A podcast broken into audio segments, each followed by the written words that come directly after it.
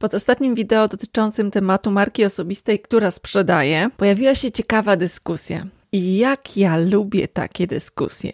A we mnie przy tej okazji pojawiła się myśl, zresztą zasłyszana całkiem niedawno, która mówi: niezależnie jak cienko kroisz dany temat, zawsze będzie miał dwie strony.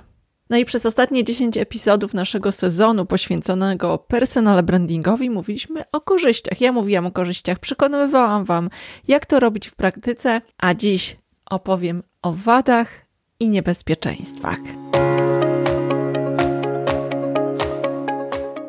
Cieszę się goszcząc Cię w kolejnym odcinku podcastu Silna Marka w Praktyce. Dla tych, którzy gdzieś się zgubili w internecie i nie wiedzą, gdzie są, ja nazywam się Angelika Chimkowska i wspieram ludzi biznesu w budowaniu silnych marek osobistych i firmowych. Cel tego podcastu to silni w praktyce. Dlatego zero bullshit bingo, same konkrety i działanie.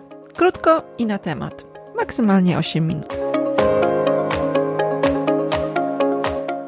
Jesteśmy w sezonie pierwszym poświęconym temacie marki osobistej. No i głęboko od razu nurkujemy w temat wad marki osobistej, i dla mnie na pierwszym miejscu jest coś, co nazywam faktem, że marki osobistej nie da się oddelegować.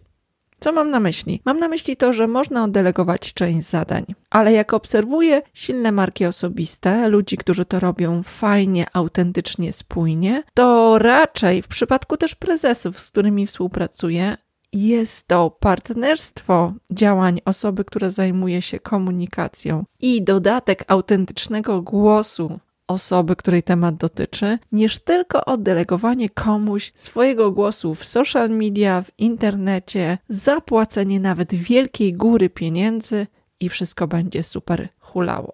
No, tak raczej się nie da. Dlatego, jeżeli myślisz o tym, że dobra, chcę mieć silną markę osobistą, to muszę to oddelegować agencji, freelancerowi czy komuś, kto się na tym zna, szczerze, odradzam tego typu działanie. Druga wada to czas działania, komunikacja, odpowiadanie na komentarze, przemyślenie tematu, przemyślenie w jaki sposób napisać coś, żeby to było czytelne, to jest bardzo czasochłonne. I to jest chyba największa wada, dlatego że jeżeli chcemy być autentyczni i spójni, to inwestycja swojego czasu, która najbardziej procentuje, wymaga właśnie tego elementu. A jak wszyscy wiemy, czasu nie da się zeskalować. Każdy z nas ma tylko 24 godziny, i właśnie ten element czasu jest czymś, co najczęściej odstrasza ludzi, zupełnie słusznie, i chyba to jest dla mnie druga wada wynikająca z pierwszego punktu. Trzecia rzecz. Po czasochłonne nazwałam to wiedzochłonne. Dla jednych to może być wada, dla innych zaleta, ale wyobraź sobie sytuację, że w końcu nauczyłeś się kręcić, nagrywać podcasty, a okazuje się, że tym pożądanym formatem są rolki lub TikToki. No i co? Musisz się uczyć nowej platformy, nowego stylu komunikacji. I to jest wada, bo już mamy pewien proces, który świetnie hula, ale okazuje się, że już nie jest tak efektywny i pożądany i musimy uczyć się czegoś nowego. Czasami to wada, dla dużej ilości osób to zaleta, bo lubią się uczyć, ale zdecydowanie nieustannie musisz pogłębiać wiedzę nie tylko na temat technologii, ale siebie samego, wiedzę w temacie, którym jesteś ekspertem. Jest to bardzo wiedzochłonne. Czwarty punkt nazwałam utratą cennych pracowników z aspiracjami na silne marki osobiste. Kiedy przyglądam się sytuacji, gdzie jest silna marka osobista lidera, CEO, liderki, prezeski, założycielki, i też w formie męskiej, te same osoby, to jeżeli firma nie jest dość duża, że przejmuje mocno komunikację, to w sytuacji mniej więcej tak do 50 osób trudno jest utrzymać w firmie ludzi, którzy są ekspertami w danym temacie, mają aspiracje na silną markę osobistą i chcą być w cieniu właśnie osoby, która jest największą gwiazdą w firmie. Co oznacza, że jeżeli jesteś w takiej sytuacji, że prowadzisz firmę, to musisz się przygotować na dwie opcje. Pierwsza opcja jest taka, że będziesz ciągnął, ciągnęła tą firmę właśnie swoją marką osobistą, a wszystkie osoby, na których możesz polegać z poziomu kompetencji, dowożenia tematów i tego, że właśnie to też one będą przyciągać swoją marką osobistą do firmy klientów, albo będą mniej efektywne, bo będą w cieniu, albo będą miały aspiracje i odejdą i zbudują coś konkurencyjnego.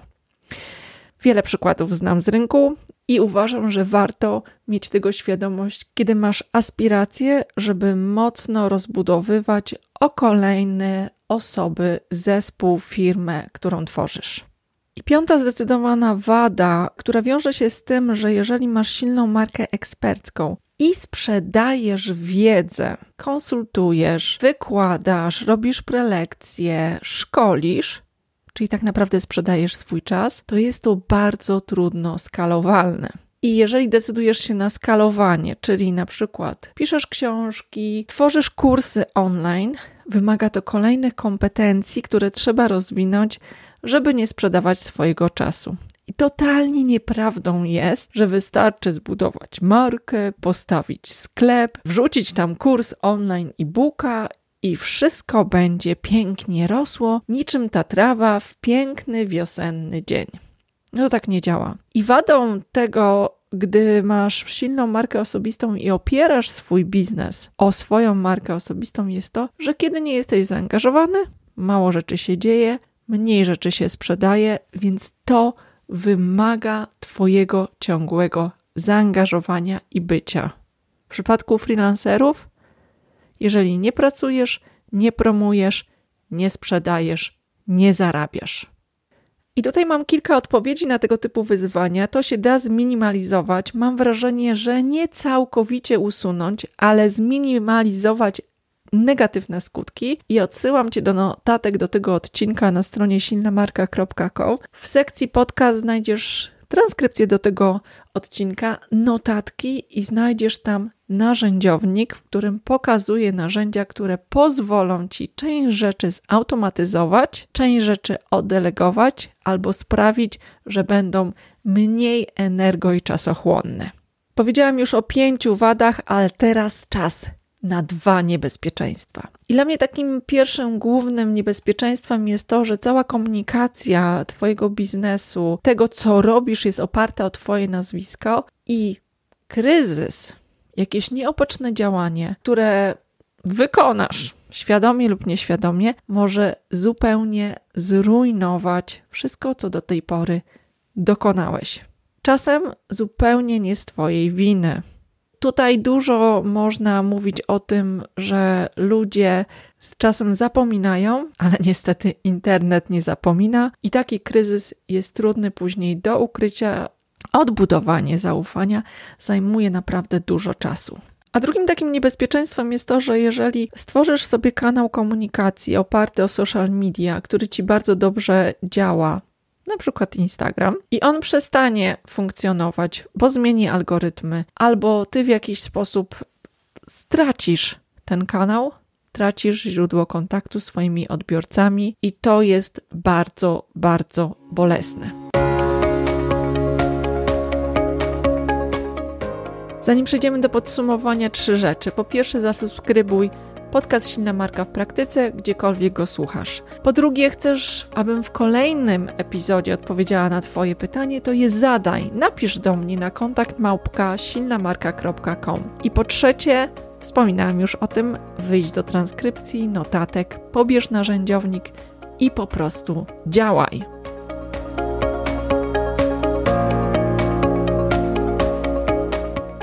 Podsumowując, silna marka osobista to nie tylko miód i orzeszki, to również wady. Przygotuj się na to. Jeżeli będziesz przygotowany, lepiej sobie z tym poradzisz i tego z całego serca Ci życzę i do usłyszenia w kolejnym odcinku podcastu.